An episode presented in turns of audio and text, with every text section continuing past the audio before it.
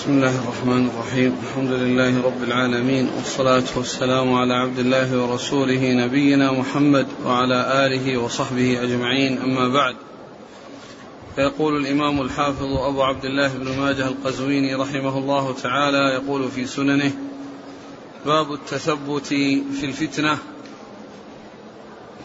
وذكر أحاديث الثالث قال حدثنا محمد بن بشار قال حدثنا محمد بن جعفر قال حدثنا عوف عن الحسن قال حدثنا أسيد بن المتشمث قال حدثنا أبو موسى رضي الله عنه قال حدثنا رسول الله صلى الله عليه وعلى آله وسلم قال إن بين يدي الساعة لهرجا قال قلت يا رسول الله ما الهرج؟ قال القتل فقال بعض المسلمين يا رسول الله إنا نقتل الآن في العام الواحد من المشركين كذا وكذا. فقال رسول الله صلى الله عليه وسلم ليس بقتل المشركين ولكن يقتل بعضكم بعضا حتى يقتل الرجل جاره وابن عمه وذا قرابته. فقال بعض القوم يا رسول الله ومعنا عقولنا ذلك اليوم فقال رسول الله صلى الله عليه وسلم لا تنزع عقول أكثر ذلك الزمان ويخلف له هباء من الناس لا عقول لهم. ثم قال الأشعري ويم الله إني لأظنها مدركتي وإياكم. ويم الله ما لي ولكم منها مخرج إن أدركت إن أدركتنا فيما عهد إلينا نبي الله نبينا صلى الله عليه وسلم إلا أن نخرج منها كما دخلنا فيها. بسم الله الرحمن الرحيم. الحمد لله رب العالمين وصلى الله وسلم وبارك على عبده ورسوله نبينا محمد وعلى آله وأصحابه أجمعين. أما بعد فيقول الترمذي يقول ابن ماجه رحمه الله باب التثبت في الفتنة. ومر حديثان تحت هذا الباب. والتثبت في الفتنة هو عدم الاستعجال والتبصر وعدم العجلة في الأمور التي هي في الفتن بحيث يكون الإنسان يحذر أن يقع في فتن بل يكون على عافية وسلامة ولا يدخل في شيء إلا على بينة. وذكر حديثين قبل ذلك ثم هذا حديث أبي موسى الأشعري رضي الله عنه. قال عليه الصلاة والسلام إنها إن بين يدي الساعة لهرجا. إن بين يدي الساعة لهرجا. يعني في الأمور المستقبلة التي بين يدي الساعة وقبل الساعة هرجا. قالوا وما الهرج؟ قال القتل. يعني الفتن التي يكون فيها القتل. لأن القتل يكون بسبب الفتن. فيحصل الاقتتال بين الناس. قالوا إنا لنقتل في العام الواحد من المشركين يعني في الجهاد في سبيل الله. يعني يقصدون من المشركين يعني في الجهاد. أما القتل بدون جهاد كأن يكون يعني آه يعني معاهدا أو ذا أمان فإنه لا يجوز قتل من يكون كذلك وإنما قتل المشركين في الجهاد. فالرسول صلى الله عليه وسلم أخبر بأن بأنه ليس هذا هو المعني وليس هذا هو الذي فيه الفتنة وإنما يقتل المسلمين بعضهم بعضا. يعني هذه الفتنة كون المسلمين يقتل بعضهم بعضا حتى يقتل حتى يقتل الإنسان أخاه وجاره وابن عمه. يعني ذكر هؤلاء لأنهم الذين يكون بينهم القرابة ويكون سبب الاختلاف فقد يؤدي ذلك إلى العداوات والشحنة ويقتل بعضهم بعضا ويقتل بعضهم بعضا بسبب الفتن. فيقتل المسلم يعني أخاه المسلم وقد يكون أخا من النسب وقد يكون جارا وقد يكون ابن عم يعني أصحاب قرابات ما قرابات في النسب أو قرابات في الجوار. فتحصل الفتن التي تحصل الناس ويقتل بعضهم بعضا. قال بعده؟ ليس بقتل المشركين ولكن يقتل بعضكم بعضا حتى يقتل الرجل جاره وابن عمه وذا قرابته. فقال بعض القوم يا رسول الله ومعنا عقولنا ذلك اليوم؟ فقال صلى الله عليه وسلم لا تنزع عقول أكثر ذلك الزمان. يعني قالوا يا رسول الله ومعنا عقولنا يعني حيث يقتل بعضنا بعضا ويقتل المرء ذا قرابته وابن عمه وجاره. يعني هل عندنا عقول؟ قال لا تنزع العقول. يعني تنزع العقول يعني فيكون آه، أولئك يعني آه، لا عقول لهم. يعني عندهم عقول لكنه وجود لكن وجودها مثل عدمها يعني عندهم عندهم قلوب وعندهم يعني آه، إدراك ولكن يختلط عليهم الأمر ويعمى عليهم الأمر فيصير الإنسان كأنه ليس بعقل. ويخلف هباء من الناس. ويخلف له هباء من الناس لا عقول لهم. آه. ثم قال الأشعري يخلص ثم يخلف من الناس آه، آه، أناس أو رجال لا عقول لهم. يعني أنه يعني مثل الهباء يعني الهباء الغبار أو الذي يكون من عندما تدخل الشمس يعني في في غرفة ويكون آه، يتبين على مقدار الشمس التي دخلت يعني ما يكون فيه من غبار وما يكون من أشياء فإنه يكون واضح. يعني هذا قال له هباء يقال له هباء فيكون مثل ذلك. يعني مثل هذا الهباء يعني لا قيمة لهم ولا عقول لهم يعني مرجت عقولهم ومرجت أفكارهم وأخلاقهم. نعم. قال الأشعري. وأيم الله إني لأظنها مدركتي وإياكم. وأيم الله إني لأظن أنها مدركتي وإياكم. يعني أنها أنها قد تكون قريبة وأن قد ندركها وأنه لا يكون الخلاص منها إلا بأن نخرج منها. ما لي ولكم منها مخرج. إن أدركتنا فيما عهد إلينا نبينا صلى الله عليه وسلم إلا أن نخرج منها كما دخلنا فيها. إلا أن نخرج منها كما دخلنا فيها يعني بسلامة وعافية.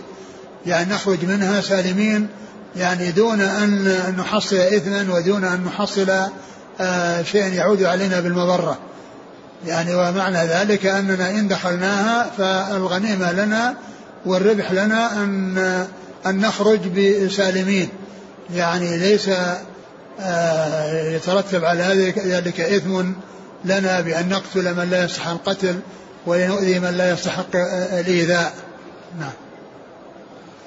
قال حدثنا محمد بن بشار. هو الملقب بن دار ثقة أخرج أصحاب الكتب وهو شيخ لأصحاب الكتب. عن محمد بن جعفر. وهو ملقب غندر ثقة أخرج أصحاب الكتب. عن عوف. عوف؟ بن أبي جميلة. عوف نعم. نعم بن ابي جميله الأعرابي وهو ثقة أخرج أصحاب الكتب. عن الحسن الحسن بن أبي الحسن ثقة أخرج أصحاب الكتب. عن أسيد بن المتشمس وهو ثقة أخرج له ابن ماجه نعم عن أبي موسى عبد الله بن قيس الأشعري رضي الله عنه أخرج له أصحاب الكتب.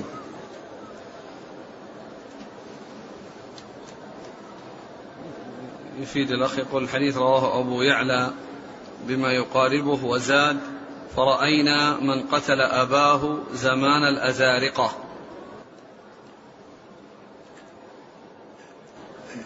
يعني الأزارقة هم الخوارج. نعم.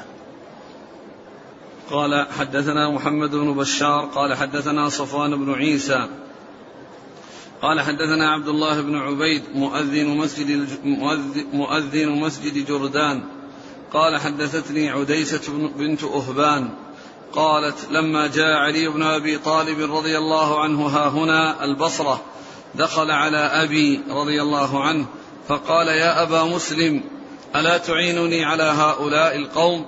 قال بلى.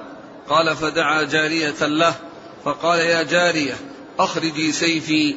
قال فأخرجته فسل منه قدر الشبر فإذا هو خشب. قال فقال إن خليلي وابن عمك صلى الله عليه وسلم عهد إلي. إذا كانت الفتنة بين المسلمين فأتخذ سيفا من خشب فإن شئت خرجت معك. قال لا حاجة لي فيك ولا في سيفك. ثم ذكر حديث أهبان رضي الله عنه أن علي رضي الله عنه لما جاء إلى البصرة دخل عليه وقال له ألا تعينني على هؤلاء؟ يعني الذين بينهم وبينهم بينه وبينهم الفتنة والذي حصل بينهم وبينهم ما حصل من الاختلاف. فقال نعم وطلب من جارية أن تحضر سيفا فأحضرته فسله من غمده بمقدار يعني شبر يعني جزء من السيف وإذا هو خشب. وقال إن خليل خليلي وابن عمك عهد إلي في الفتنة أن أن أتخذ سيفا من خشب. أن أتخذ سيفا من خشب. أن أتخذ سيفا من خشب فإن شئت يعني فعلت خرجت معك وإن شئت قال لا حاجة لي فيك ولا في سيفك. يعني هذا فيه أن أن بعض الصحابة رضي الله عنهم وأرضاهم اعتزلوا الفتنة وأخذوا وبعضهم أخذ بما جاء عن النبي صلى الله عليه وسلم يعني من اتخاذ سيف من خشب يعني في الفتنة كما فعل هذا الصحابي الذي هو أهبان رضي الله تعالى عنه. والمسألة يعني آه، الصحابة رضي الله عنهم وأرضاهم حصل بينهم اختلاف ولكن الواجب على كل مسلم أن يكون قلبه سليما وأن يكون نظيفا مع الصحابة جميعا بحيث لا يتكلم بأحد بسوء ولا ينال من أحد منهم. وأن يترضى على الجميع ويترحم على الجميع ويقول كما قال الله عز وجل ربنا اغفر لنا ولإخواننا الذين سبقونا بالإيمان ولا تجعل في قلوبنا غلا للذين آمنوا ربنا إنك رؤوف رحيم.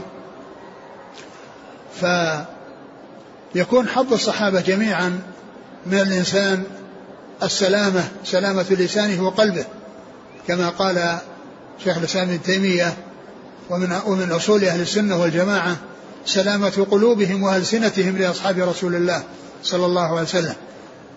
وما حصل بين الصحابة من خلاف لا يجوز أن يذكر على سبيل العيب على سبيل النقص على سبيل الذم وإنما يذكر ويعتذر عنهم بالمعاذير المناسبة.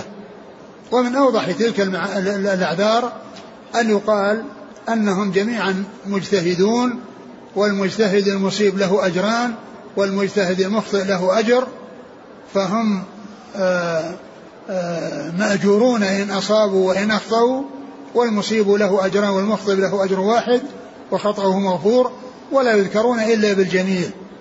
لا يذكرون إلا بالجميل ويترضى عليهم ولا آه، يذم أحد منهم بل الواجب هو سلامة القلوب وسلامة الألسنة في حقهم رضي الله تعالى عنهم وأرضاهم.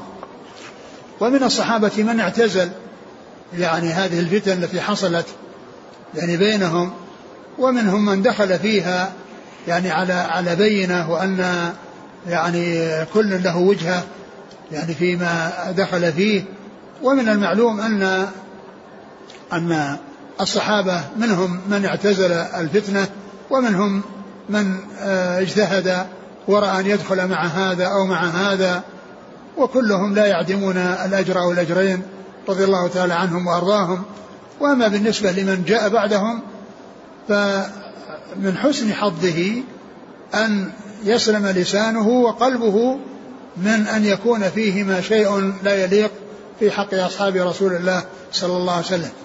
وقد ذكر شارح الطحاوية ان ان ان ان ان, أن, أن آه آه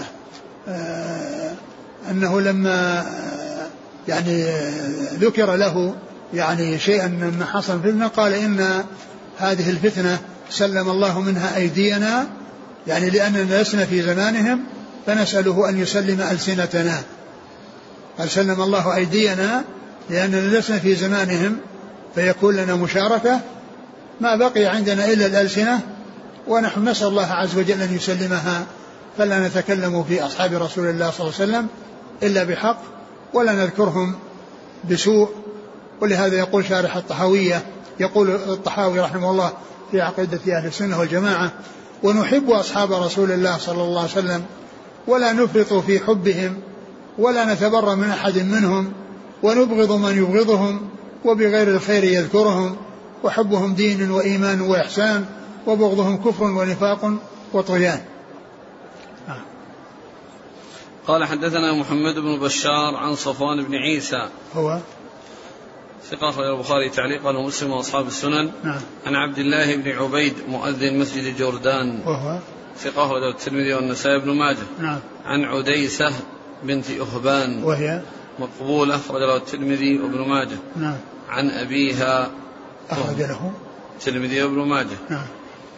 قال حدثنا عمران بن موسى الليثي قال حدثنا عبد الوارث بن سعيد قال حدثنا محمد بن جحادة عن عبد الرحمن بن ثروان عن هزيل بن شرحبيل عن أبي موسى الأشعري رضي الله عنه أنه قال قال رسول الله صلى الله عليه وعلى آله وسلم إن بين يدي الساعة فتنا كقطع الليل المظلم يصبح الرجل فيها مؤمنا ويمسي كافرا ويمسي مؤمنا ويصبح كافرا القاعد فيها خير من القائم. والقائم فيها خير من الماشي والماشي فيها خير من الساعي فكسروا قسيكم وقطعوا أوتاركم واضربوا بسيوفكم الحجارة فإن دخل على أحدكم فليكن كخير ابني آدم. ثم ذكر حديث ابن موسى الأشعري رضي الله عنه قال إن بين يدي الساعة فتنا كقطع الليل المظلم. يعني قطع الليل المظلم يعني قطع يعني سواد يعني آه، حالك ظلام. وكذلك الفتن يعني هي ظلام وعماء وليست ضياء ونورا وإنما هي فتن. يعني كقطع الليل المظلم في آه، في غموضها وفي خفائها وفي ظلامها. فيمسي الإنسان آه، مؤمنا ويمسي يصبح كافرا. ويصبح كافرا ويمكي مسلما يعني ف آه، وذلك بسبب الفتن التي تحيط بالناس. فمن؟ القاعد فيها خير من القائم هذه الفتن القاعد فيها خير من القائم يعني الذي ما يدخل فيها والذي يكون بعيدا عنها والذي يكون في منأ عنها خير من الذي آه، يزج بنفسه فيها. فالقاعد خير من القائم. والقائم خير من الماشي والماشي خير من الساعي.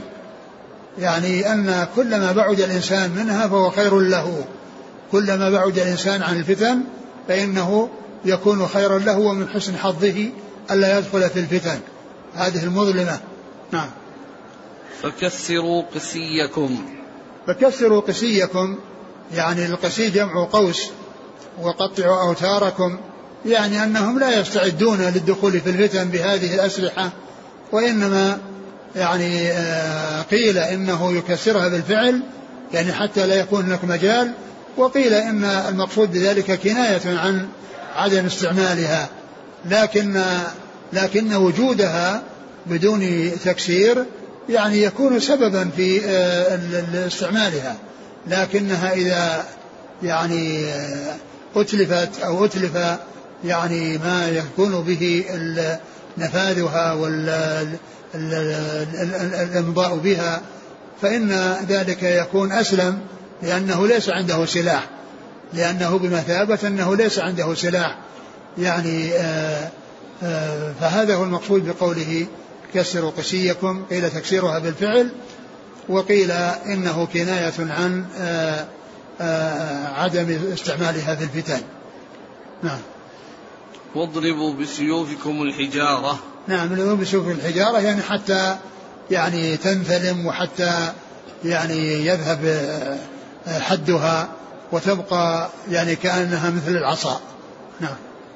فإن دخل على أحدكم فليكن كخير ابني ابني آدم. فإن دخل على أحدكم يعني في بيته في سبب هذه الفتن فليكن كخير ابني آدم وهو الذي الذي قتل ويعني لم يقتل صاحبه أو لم يسعى إلى قتل صاحبه وهذا يعني آه هذا إشارة إلى عدم الافتتان بالفتن والدخول فيها. وإلا فإن الإنسان يجوز له أن يدافع عن نفسه. يجوز له أن يدافع عن نفسه إذا اعتدى عليه أحد أو دخل عليه أحد معتديا عليه فإنه يدافع عن نفسه.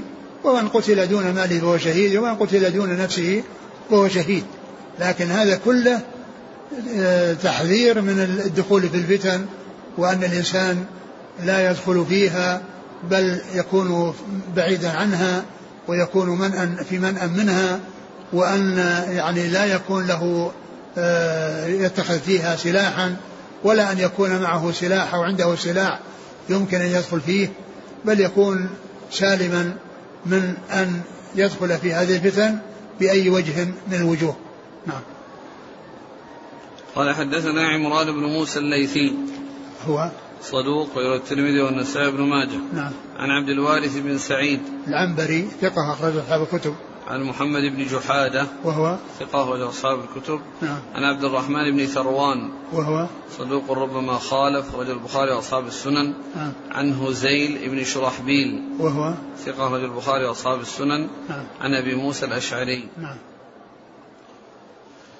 قال حدثنا أبو بكر بن أبي شيبة قال حدثنا يزيد بن هارون عن حماد بن سلمة عن ثابت أو علي بن زيد بن جدعان شك أبو بكر.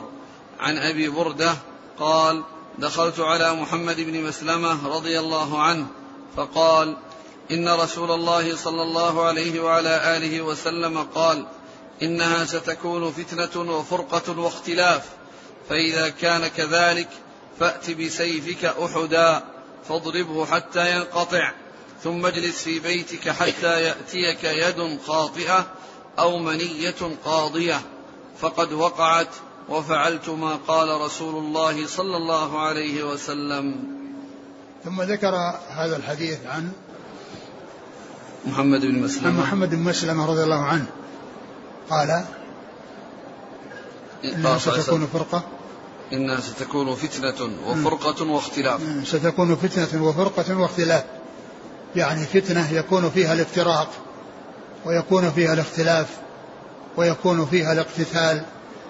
فأرشد النبي صلى الله عليه وسلم إلى أن الإنسان لا يدخل فيها بأي حال من الأحوال وأن سيفه يعني يكسره بضربه في الحجارة.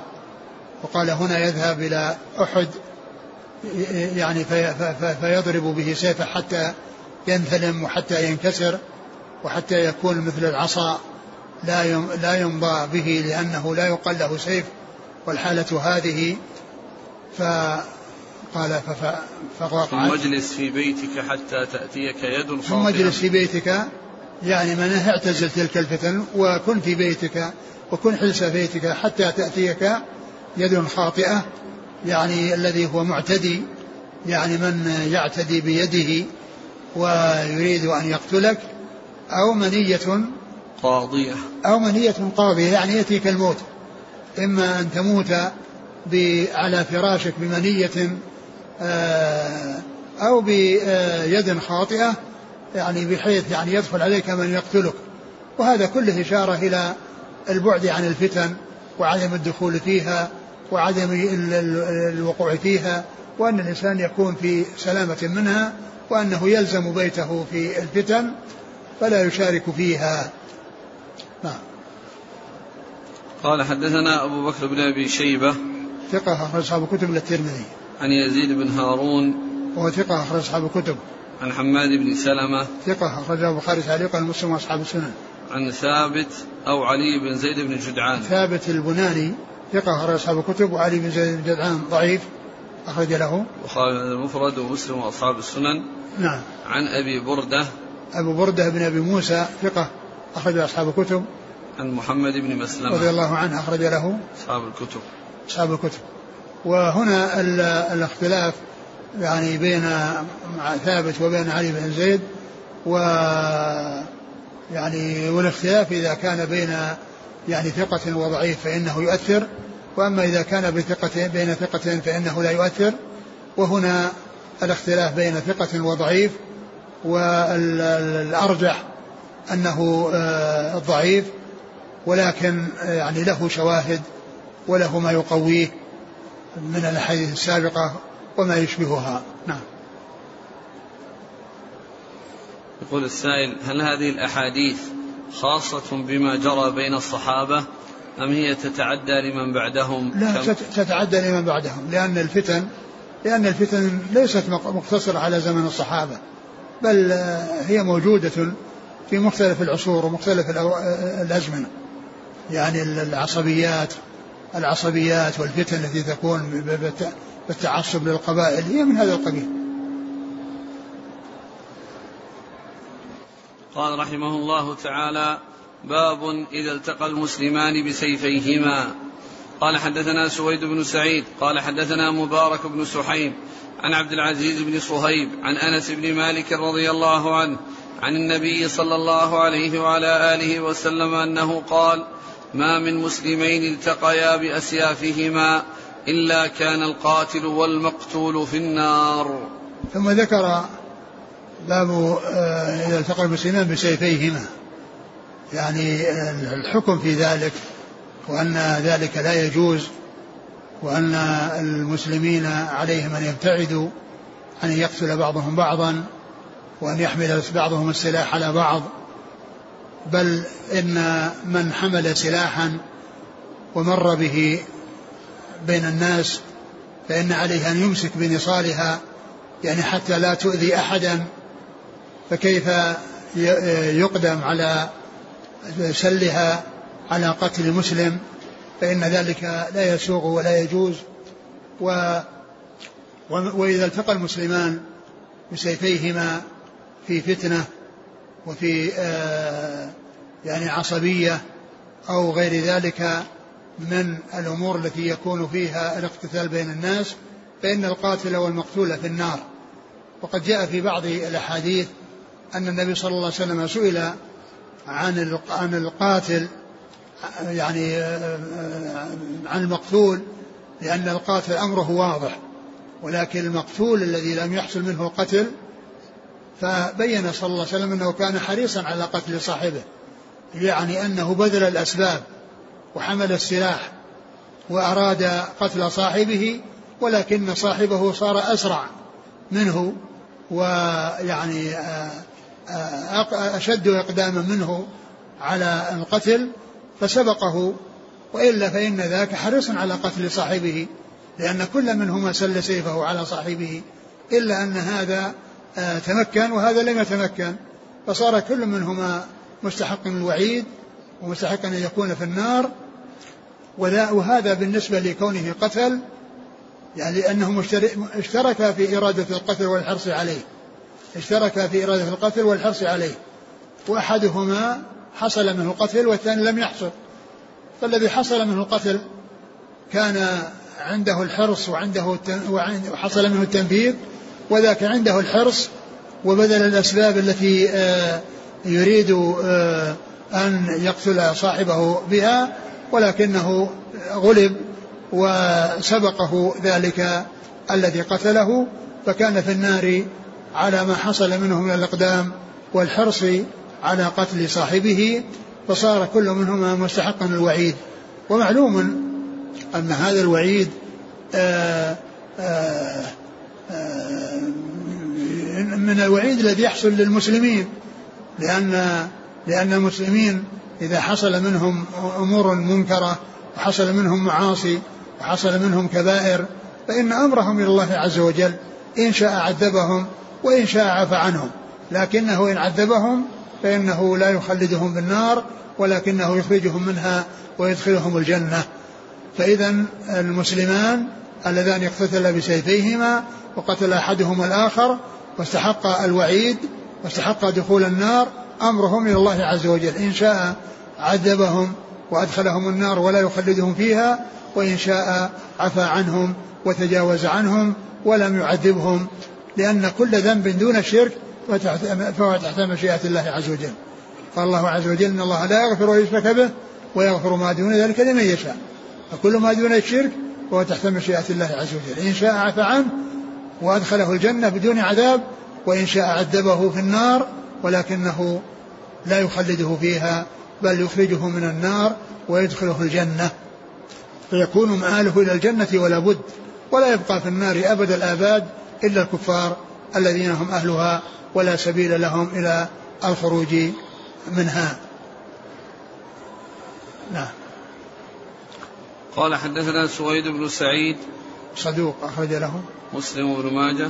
نعم. عن مبارك بن سحيم وهو متروك رجل ابن ماجه. نعم. عن عبد العزيز بن صهيب. ثقة أخرج أصحاب الكتب. عن أنس بن مالك. رضي الله عنه آه، خادم الرسول عليه الصلاة والسلام وأحد السبع المكثرين من حديثه والحديث في إسناده هذا المتروك ولكنه ضعيف الإسناد ومتنه صحيح لأن هناك أحاديث عديدة كلها بمعناه وتدل على ما دل عليه. قال حدثنا أحمد بن سنان قال حدثنا يزيد بن هارون عن سليمان التيمي وسعيد بن أبي عروبة عن قتادة عن الحسن عن أبي موسى رضي الله عنه أنه قال قال رسول الله صلى الله عليه وسلم إذا التقى المسلمان بسيفيهما فالقاتل والمقتول في النار. قالوا يا رسول الله هذا القاتل فما بال المقتول؟ قال إنه أراد قتل صاحبه. ثم ذكر حديث أبي موسى وهو بمعنى الحديث السابق. يعني إذا التقى المسلمان بسيفيهما فالقاتل والمقتول في النار. قالوا هذا القاتل يعني أمره واضح لأنه قتل وحصل من القتل فما بال المقتول وقد قتل. فقال إنه كان أراد صاحب قتل صاحبه أي أنه كان حريصا على قتل صاحبه ولم يعني يتمكن من ذلك لأن صاحبه سبقه. إلى القتل سبقه إلى أن قتله فلم فلم يتمكن من تحقيق ما أراد لسبق صاحبه إلى قتله فهو لم يتمكن من قتل صاحبه. وهذا كما عرفنا يكون في الفتن يكون في الفتن.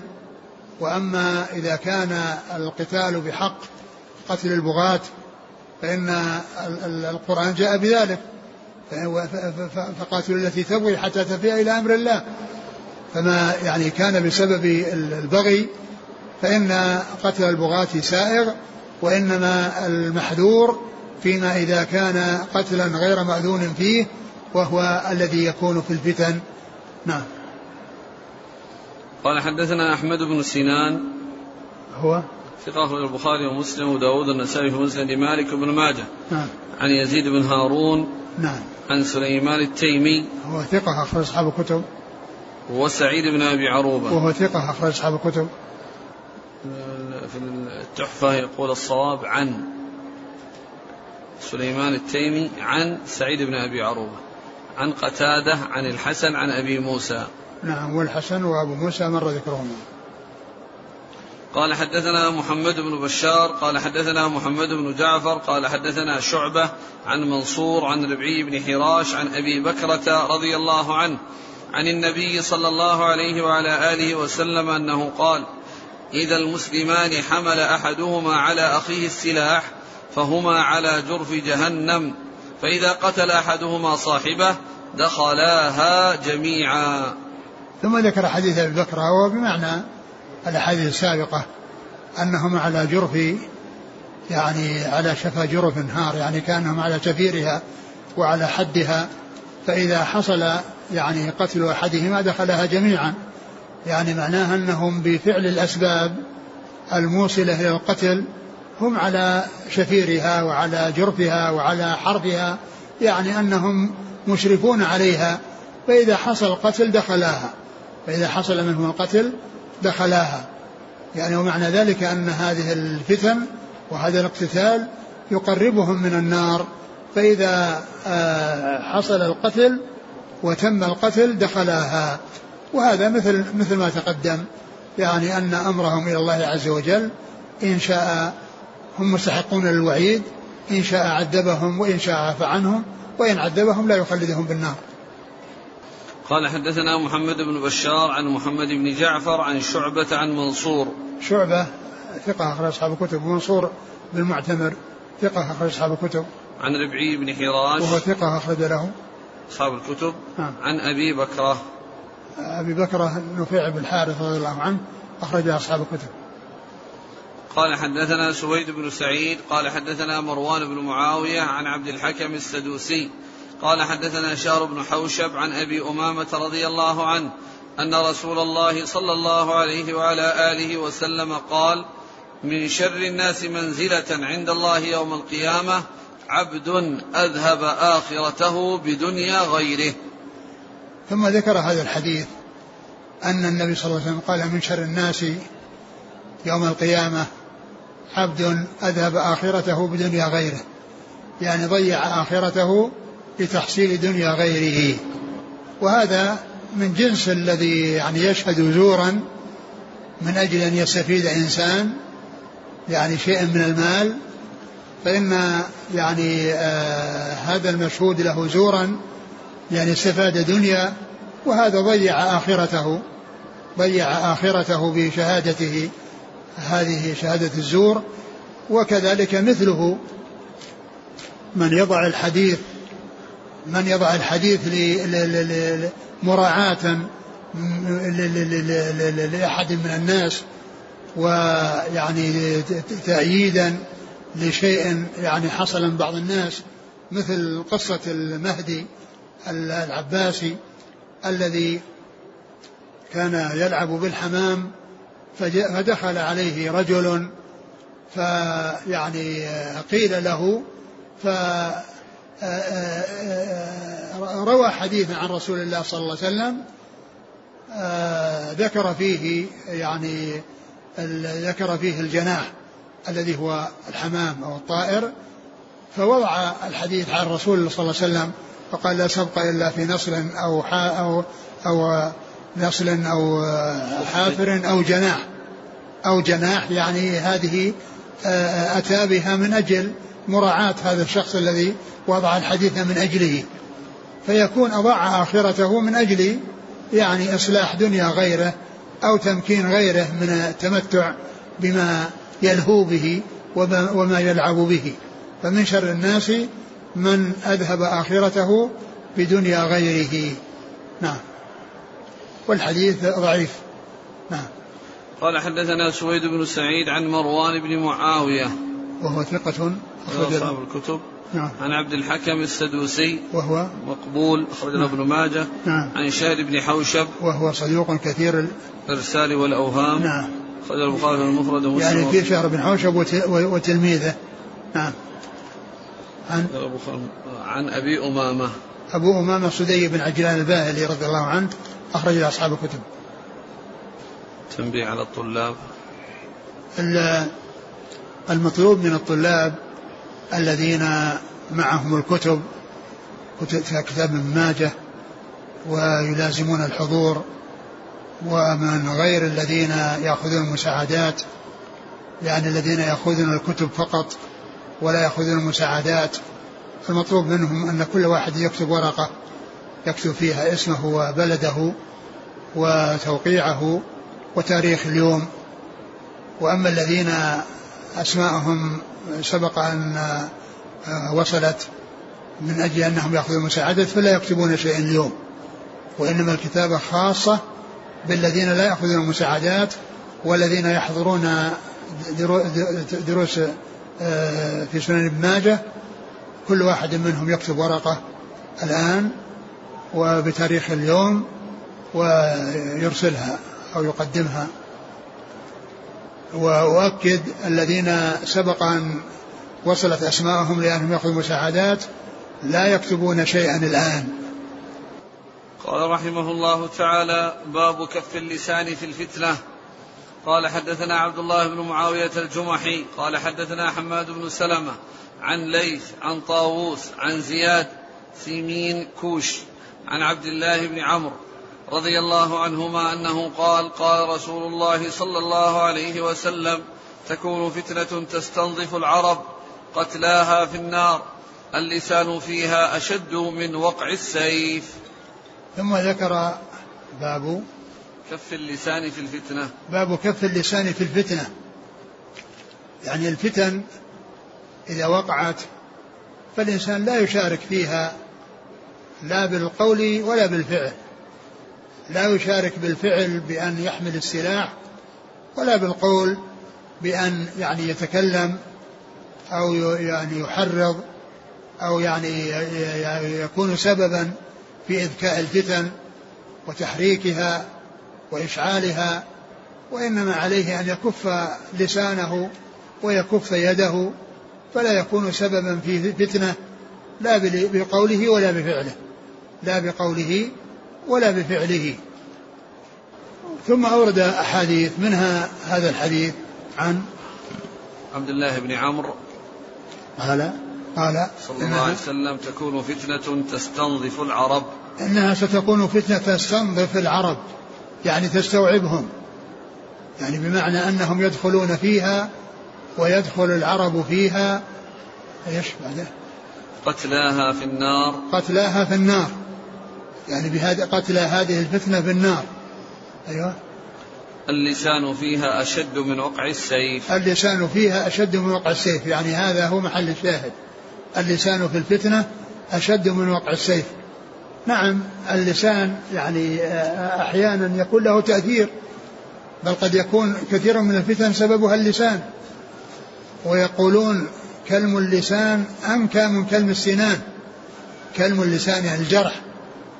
الذي يكون باللسان يكون أشد نكاية من كلم السنان لأن كلم السنان يبرأ لكن كلم اللسان يبقى. يعني يبقى يعني في الحزازات وفي ال يعني ال في النفوس بسبب كلم اللسان وهو جرحه والحديث ضعيف لم يثبت عن رسول الله صلى الله عليه وسلم لأن في إسناده من فيه ضعف. نعم. قال حدثنا عبد الله بن معاوية الجمحي. هو؟ ثقة أخرج أبو داود الترمذي وابن ماجه. نعم. عن حماد بن سلمة. ثقة أخرج البخاري تعليقا ومسلم وأصحاب السنة. عن ليث. وهو ليث بن أبي سليم وهو؟ صدوق اختلط جدا فترك. أخرج نعم. البخاري تعليقا ومسلم وأصحاب نعم. السنن عن طاووس. وهو ثقة أخرج أصحاب الكتب. عن زياد سيمين كوش. وهو؟ مقبول أبو داود الترمذي وابن ماجه. نعم. عن عبد الله بن عمرو. نعم. قال حدثنا محمد بن بشار قال حدثنا محمد بن الحارث قال حدثنا محمد بن عبد الرحمن بن البيلماني عن أبيه عن ابن عمر رضي الله عنهما أنه قال قال رسول الله صلى الله عليه وسلم إياكم والفتن فإن اللسان فيها مثل وقع السيف. ثم ذكر حديث ابن عمر. أن النبي صلى الله عليه وسلم قال إياكم والفتن فإن اللسان فيها مثل وقع السيف. يعني وقع اللسان فيها مثل وقع السيف. وهذا الحديث الذي مر حديث عبد الله بن عمرو وهذا هذا حديث عبد الله بن عمر وهو أيضا ضعيف لأن في إسناده من هو متروك. نعم. قال حدثنا محمد بن بشار عن محمد بن الحارث. وهو؟ ضعيف رجله ابن ماجه. نعم. عن محمد بن عبد الرحمن بن وهو البيلماني متروك أخرج- ضعيف. ضعيف ولا متروك؟ ضعيف. نعم. رجله أبو داود بن ماجه. نعم. عن أبيه. وهو؟ ضعيف رجل أصحاب السنن. نعم. عن ابن عمر. يعني ثلاثة ضعفاء في إسناده. يعني أوله الإسناد؟ قال حدثنا محمد بن بشار عن محمد بن الحارث. يعني ما فيه إلا طرفاه. يعني ما فيه إلا شيخ ابن ماجه. والثلاثة الذين دون الصحابي ضعفاء. نعم. قال حدثنا أبو بكر بن أبي شيبة قال حدثنا محمد بن بشر قال حدثنا محمد بن عمرو قال حدثني أبي عن أبيه علقمة بن وقاص رضي الله عنه قال مر به رجل له شرف فقال له علقمة إن لك رحما وإن لك حقا وإني رأيتك تدخل على هؤلاء الأمراء وتتكلم عندهم بما شاء الله أن تتكلم به وإني سمعت بلال بن الحارث المزني رضي الله عنه صاحب رسول الله صلى الله عليه وسلم يقول قال رسول الله صلى الله عليه وسلم إن أحدكم ليتكلم بالكلمة من رضوان الله ما يظن أن تبلغ ما بلغت فيكتب الله عز وجل له بها رضوانه إلى يوم القيامة. وإن أحدكم ليتكلم بالكلمة من سخط الله من سخط الله ما يظن أن تبلغ ما بلغت. فيكتب الله عز وجل عليه من سخطه إلى يوم يلقاه. قال علقمة فانظر ويحك. ماذا تقول؟ وماذا تكلم تكلم به؟ فرب كلام قد منعني أن أتكلم به ما سمعت من بلال بن الحارث. ثم ذكر هذا الحديث عن بلال بن حارث رضي الله عنه أن الرجل أنه قال أن الرجل يتكلم بالكلمة من رضوان الله ما يلقي لها بالا يكتب الله له بها رضاه إلى يوم يلقاه. وإن الرجل يتكلم بالكلمة من سخط الله لا يلقي لها بالا يعني لا يلقي لها بالا إيش إن وإن رجل من رضوان الله ما يظن أن تبلغ ما بلغت فيكتب الله عز وجل رضوانه إلى يوم القيامة. وإن الرجل كان بالكلمة من سخط الله لا يلقي لها بالا. ما يظن أن تبلغ ما بلغت. أيوة. فيكتب الله عز وجل عليها سخطه إلى يوم سخطه إلى يوم يلقاه. يعني وهذا محل الشاهد لأن اللسان و الكلام اللسان الكلام السيء لا سيما في الفتن يعني أخطاره عظيمة وآثاره جسيمة. وفي هذا أن الكلمة يعني كلمة الكلمة من اللسان يعني توصل إلى الجنة. وتؤدي إلى رضا الله عز وجل وأن يحصل الرضا إلى أن يلقاه وأن الكلمة من سخط الله يعني تؤدي إلى سخط الله ويكتب, ويكتب الله تعالى يعني بها سخطه إلى يوم يلقاه. فنفع اللسان يعني عظيم عظيم إذا كان في باب الخير وضرره جسيم إذا كان في باب الشر ومحل الشاهد من الحديث الجملة الثانية التي هي يلقي يتكلم بالكلمة من سخط الله ما يلقي لها بالا يكتب الله بها يعني يكتب عليه بها سخطه إلى يوم يلقاه. إيش قال في آخر الحديث؟ قال قال علقمة فانظر ويحك ماذا تقول وماذا تكلم به فرب كلام قد منعني أن أتكلم به ما سمعت من بلال بن الحارث. يعني أن هذا الكلام الذي قاله بلال بن الحارث راويا له عن رسول الله صلى الله عليه وسلم يعني استفاد منه من وفقه الله عز وجل وهو هذا التابعي الجليل علقمة بن وقاص الليثي فإنه قال إنه منعه من كثير من الكلام يعني حتى لا يقع في كلمة يحصل له بها السخط من الله عز وجل. ولهذا جاء عنه صلى الله عليه وسلم أنه قال من كان يؤمن بالله واليوم الآخر فليقول خيرا أو ليصمت فاللسان إن لم يجر إليك خيرا فلا تدعه يجر إليك شرا بل إما أن يحصل بسببه خير وإلا أن تسلم من آثاره ومن أضراره. نعم. حدثنا أبو بكر بن أبي شيبة عن محمد بن بشر. ثقة أخرج أصحاب الكتب. عن محمد بن عمرو. وهو صدوق أخرج أصحاب الكتب. عن أبيه. وهو مقبول. أخرجه الترمذي والنسائي بن ماجه. نعم. عن أبيه علقمة بن وقاص. وهو ثقة أخرج أصحاب الكتب. عن بلال بن الحارث المزني. رضي الله عنه أخرج له. أصحاب السنن. نعم. قال حدثنا أبو يوسف الصيدلاني محمد بن أحمد الرقي. قال حدثنا محمد بن سلمة عن ابن إسحاق عن محمد بن إبراهيم عن أبي سلمة عن أبي هريرة رضي الله عنه أنه قال قال رسول الله صلى الله عليه وعلى آله وسلم إن الرجل ليتكلم بالكلمة من سخط الله لا يرى بها بأسا فيهوي بها في نار جهنم سبعين خريفا. ثم ذكر هذا الحديث أن أن النبي صلى الله عليه وسلم قال إن الرجل لا يتكلم, يتكلم بالكلمة من سخط الله لا يرفع بها لا يرى بها بأسا. لا يرى بها بأسا يهوي بها في النار سبعين خريفا. يهوي بها في النار سبعين خريفا. وهذا يدلنا على خطر اللسان وخطر ما يجري عليه من الكلام السيء الذي يعود على صاحبه بالمضرة. يعني لا يلقي لها بالا وكأن الأمر فيها سهل ويعني لم يهتم بها وكأن هذا الكلام الذي قاله ليس بشيء عنده ومع ذلك يهوي به في النار سبعين خريفا ويكون آه، ذلك يؤدي به إلى النار. وهذا كما عرفنا بالنسبة للمسلم أمره إلى الله عز وجل إن شاء عذبه وصار في النار ولكنه يخرج منها ويدخل الجنة ولا بد وإن شاء لم يعذبه وتجاوز عنه وعفى عنه ويكون من أهل الجنة ويدخلها دون دون عذاب. قال حدثنا أبو يوسف الصيدلاني محمد بن أحمد الرقي هو؟ ثقة أخرجه النسائي بن ماجه. نعم. عن محمد بن سلمة. وهو السدوسي وهو ثقة أخرج أصحاب الكتب. محمد بن سلمة. محمد سلمة الحراني. الحراني نعم. وهو الحراني ثقة أخرج أصحاب الكتب. ثقة ولا صدوق؟ صدوق ولا ثقة؟ ثقة أخرج البخاري القراءة ومسلم وأصحاب السنن. عن عن ابن إسحاق عن ابن إسحاق وهو محمد بن إسحاق صدوق أخرجه البخاري تعليقا ومسلم وأصحاب السنن. عن محمد بن إبراهيم. وهو التيمي ثقة أخرج أصحاب الكتب. عن أبي سلمة. بن عبد الرحمن بن عوف ثقة أخرج أصحاب الكتب. عن أبي هريرة. نعم. قال حدثنا أبو بكر قال حدثنا أبو الأحوص عن أبي حصين عن أبي صالح عن أبي هريرة رضي الله عنه أنه قال قال رسول الله صلى الله عليه وعلى آله وسلم من كان يؤمن بالله واليوم الآخر فليقل خيرا أو ليسكت. ثم ذكر هذا الحديث عن أبي هريرة وهو قوله صلى الله عليه وسلم من كان يؤمن بالله واليوم الآخر فليقل خيرا أو ليسكت.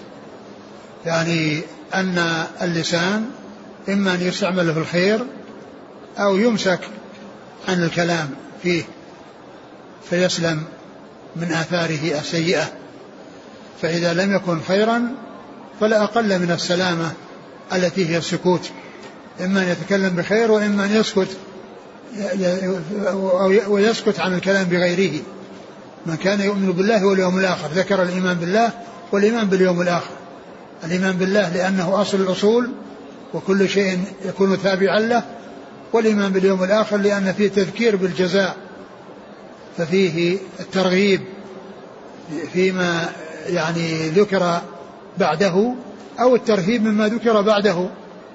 وهنا فيه الترغيب بالكلام بالخير والترهيب من الكلام بالشر. لأن التذكير بالإيمان باليوم الآخر عندما يذكر الترغيب والترهيب يعني يكون فيه تأثير. لأن الإنسان يعني يخشى أن يحاسب وأن يؤاخذ في الدار الآخرة على ما حصل منه من سيئات فيكون يعني حذرا منها وبعيدا منها.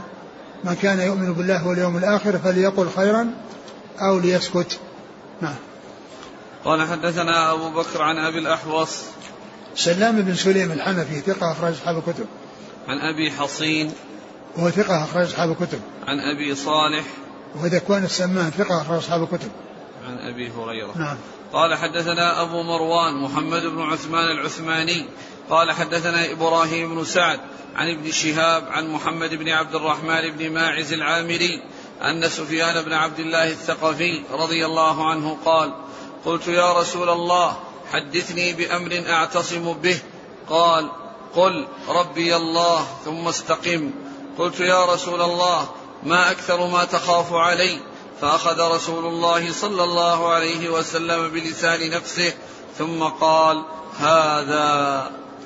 ثم ذكر حديث سفيان بن عبد الله الثقفي رضي الله عنه أن النبي صلى الله عليه وسلم أنه طلب من النبي صلى الله عليه وسلم قال حدثني بأمر أعتصم به. حدثني بأمر أعتصم به قال آه قل ربي الله. قل ربي الله ثم استقم.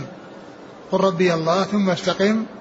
يعني أن ال ال ال الإنسان يدخل في هذا الدين ويلتزم بأحكامه ويستقيم على أمر الله فيكون بذلك دخل في الإسلام واستقام على أمر الله وذلك بإقامة بالإتيان بالواجبات وترك المحرمات وفعل الطاعات وترك المعاصي فيكون بذلك حصل ما فيه العصمة وما فيه السلامة من النار حيث يكون من أهل الجنة بدخوله في الإسلام والتزامه بأحكامه واستمراره على ذلك لأنه يستقيم على أمر الله في حياته يعني حتى يوافيه الأجل وهو على حالة طيبة كما قال الله عز وجل يا أيها الذين اتقوا الله حق تقاته ولا تموتن إلا وأنتم مسلمون يعني دوموا على طاعة الله واستمروا على طاعة الله حتى يأتيكم الموت وأنتم على حالة سيئة وأنتم على حالة حسنة. ثم قال بعد ذلك ما أخوف ما تخاف علي. فأخذ بلسانه نفسه وقال هذا. وهذا محل الشاهد يعني من ذكر الحديث في في في, في, في اللسان في الفتنة وأن الإنسان يحفظ لسانه من كل ما يعود عليه بالمضرة. ومثل هذا قاله النبي صلى الله عليه وسلم لمعاذ بن جبل رضي الله عنه كما سيأتي في الحديث بعد هذا لأن لأنه قال كف عليك هذا؟ فقال وإنا لمؤاخذون بما تكلموا به. قال ثكلتك أمك يا معاذ وهل يكب الناس في النار على وجوههم أو قال على مناخرهم إلا حصائد ألسنتهم؟ فهذا فيه آه، آه، الدخول في الحق والأخذ بالحق ثم الاستقامة عليه والاستمرار عليه والدوام عليه حتى يوافيه الأجل وهو على تلك الحال آه، الطيبة. وقد قال الله عز وجل إن الذين قالوا ربنا الله ثم استقاموا فلا خوف عليهم ولا هم يحزنون. قال إن الذين قاموا ربنا الله ثم استقاموا تنزل عليهم الملائكة لا, لا تخافوا ولا تحزنوا. فالدخول آه، في الإسلام آه، والدخول في الإيمان والالتزام بأحكامه فيه السلامة من الشرور وتحصيل الخير والسعادة في الدنيا والآخرة. قال حدثنا أبو مروان محمد بن عثمان العثماني. هو؟ صدوق يخطئ أخرج النسائي في خصائص علي وابن ماجه. نعم. عن إبراهيم بن سعد. ثقة أخرج أصحاب الكتب. عن ابن شهاب. محمد بن مسلم بن عبد الله بن شهاب ثقة أخرج أصحاب الكتب. عن محمد بن عبد الرحمن بن ماعز. وهو؟ مقبول أخرجه الترمذي والنسائي بن ماجه. نعم. عن سفيان بن عبد الله الثقفي. رضي الله عنه أخرج له. مسلم والترمذي والنسائي بن ماجه. نعم. والله تعالى أعلم وصلى الله وسلم وبارك على عبده ورسوله نبينا محمد وعلى آله وأصحابه أجمعين. جزاكم الله خيرا وبارك الله فيكم. ألهمكم الله الصواب ووفقكم الحق. نفعنا الله ما سمعنا وغفر الله لنا ولكم وللمسلمين أجمعين. آمين. يقول السائل من حمل من حمل السيف على صاحبه للدفاع عن نفسه هل يدخل في هذا الوعيد إذا التقى المسلمان بسيفيهما؟ الدفاع عن النفس سائغ لكن ليس للإنسان أن يقدم على القتل وهو يتمكن من غيره أو يمكنه غيره. يعني لا يقدم على القتل إلا إذا كان لم لم يكن هناك بد منه. أما إذا أمكن التخلص من آه، الاعتداء عليه بغير ذلك بأن يمسكه أو يوثقه أو يعني آه، يعمل معه شيء لا يؤدي إلى قتله هذا هو الذي ينبغي. وإن لم يحصل ذلك إلا بالقتل فإن فإن له حق الدفاع عن نفسه.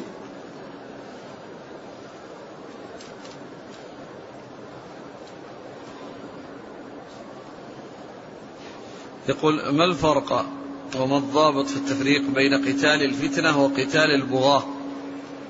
قتال البغاة الذين يعني يخرجون على الإمام ويكون الناس أمرهم جميع ثم يعني يبغي عليهم يعني أناس فإنهم آه، آه، يقاتلون ويمنعون من البغي حتى تبقى الأمور على ما هي عليه. الحاصل أن القتال أو البغاة وقتال الفتنة فالبغاة مأذون فيه القتال مأذون بقتالهم. وأما الفتن فلم يؤذن في ذلك. هذا مأذون هذا قتل مأذون فيه وهذا قتل غير مأذون فيه. هذا قتال مأذون فيه وهذا قتال غير مأذون فيه.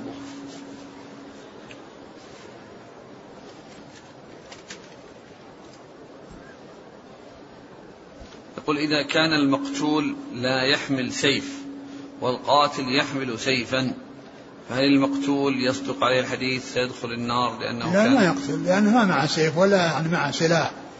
يقاتل به لأنه قائد بسيفيهما أما يعني كون إنسان مع سيف وقتل صاحبه فهذا يعني آه، ذاك معتدا معتدا عليه وليس معه يعني ما يقتل به. لكن إن كان معه غير السيف مثل السكين أو مثل غير ذلك من الأشياء اللي يحصل بها القتل فيكون من جنس السيف. قوله واضربوا بسيوفكم الحجارة. هل يستفاد منه. أن المكلف إذا كان عنده سلاح عسكري هل يتلفه إذا كان سيترتب على إبقائه مفسدة راجحة. إذا كان يعرف أنه إذا كان يعرف أنه يترتب عليه مفسدة راجحة يتخلص منه. أما إذا ما ترتب عليه أو ما حصل يعني ما, ما, عرف أنه يحصل في نفسه يبقي. فقد يعني يكون في دفاع عن النفس قد يكون فيه دفاع عن النفس في في وجه يكون فيه الدفاع. يعني كان يعتدى عليه. يعني في بيته. والدفاع عن النفس هذا أمر مطلوب ومأذون فيه. ما معنى يصبح الرجل فيها مؤمنا ويمسي كافرا ويمسي مؤمنا؟ يعني بالفتن. الفتن اللي تحصل بين الناس في يعني في آه، خفاء الأمور وأن يعني آه، ومن آثار ذلك أنه آه، يعني يرغب في قتل أخيه لكن كونه يؤمن يمسي كافرا ويصبح مؤمنا يعني ما تتغير حاله وتتبدل من حال حسنة إلى حال سيئة والعكس إذا استنفر الحاكم طائفة من المسلمين ضد طائفة أخرى مسلمة فهل تجب طاعته؟ نعم إذا كانت هذه الطائفة باغية يعني آه، يجاب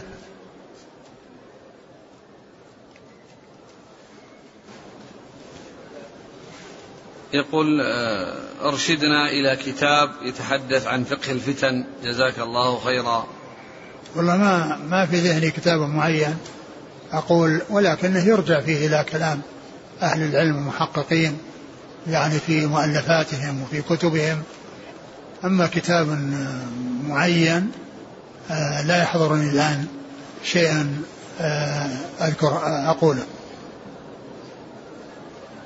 يقول هل يعد من الفتنة في هذا الزمان ما انشغل به بعض طلاب العلم من القيل بالظن دون تثبت؟ لا شك هذا من الفتن.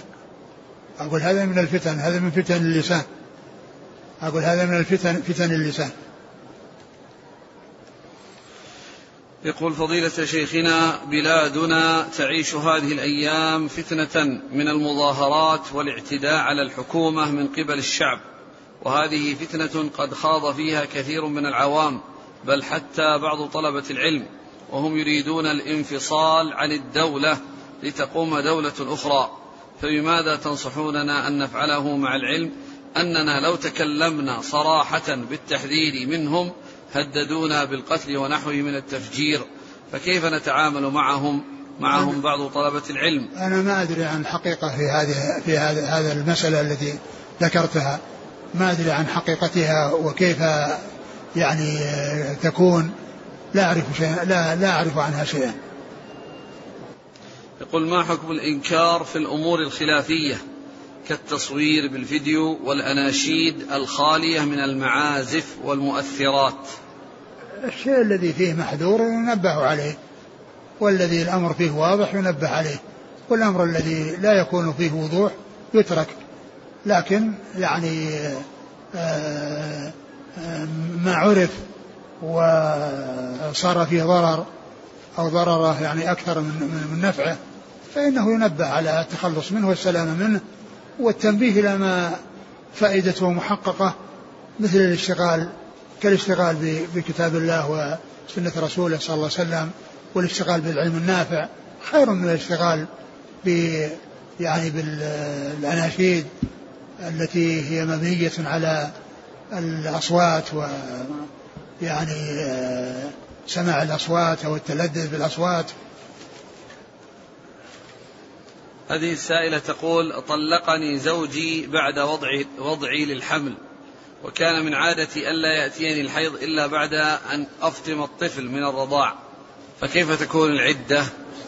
أبدا العدة يعني إذا كانت أنها يعني بعدما ولدت فإنها يعني حتى يعني يأتيها الحيض وتحيض ثلاث حيضات. هذا يقول لي أخت متزوجة وهي فقيرة وعندما أخرج الزكاة وتكون مثلا أربعة آلاف ريال إذا أعطيتها كلها ستسرف فيها فهل يجوز لي أن أجزئها فأعطيها كل شهرين ألف ريال. ما ينبغي أنك تحفظها وتجزئها ولكن أنت أعطها في وقتها والزكاة تخرجها إلى من يستحقها وأنت أحسن إليها من مالك فيما بعد. رجل جاءته منحة أرض ونوى بيعها لكنه لم يعرضها في مكاتب العقار ثم باعها بعد خمس سنوات. هل يزكي عن الخمس سنوات أم يزكي عن السنة التي بيعت فيها؟ إذا كانت مهيئة للبيع أو أنه ناويها البيع أو أنها عندما دخلت عليه يعني ما أراد استعمالها أو البناء عليها وإنما أراد بيعها فإن هذه من عروض التجارة. يزكيها كل سنة إذا حال الحول. جزاكم الله خيرا. سبحانك اللهم وبحمدك أشهد أن لا إله إلا أنت أستغفرك وأتوب إليك.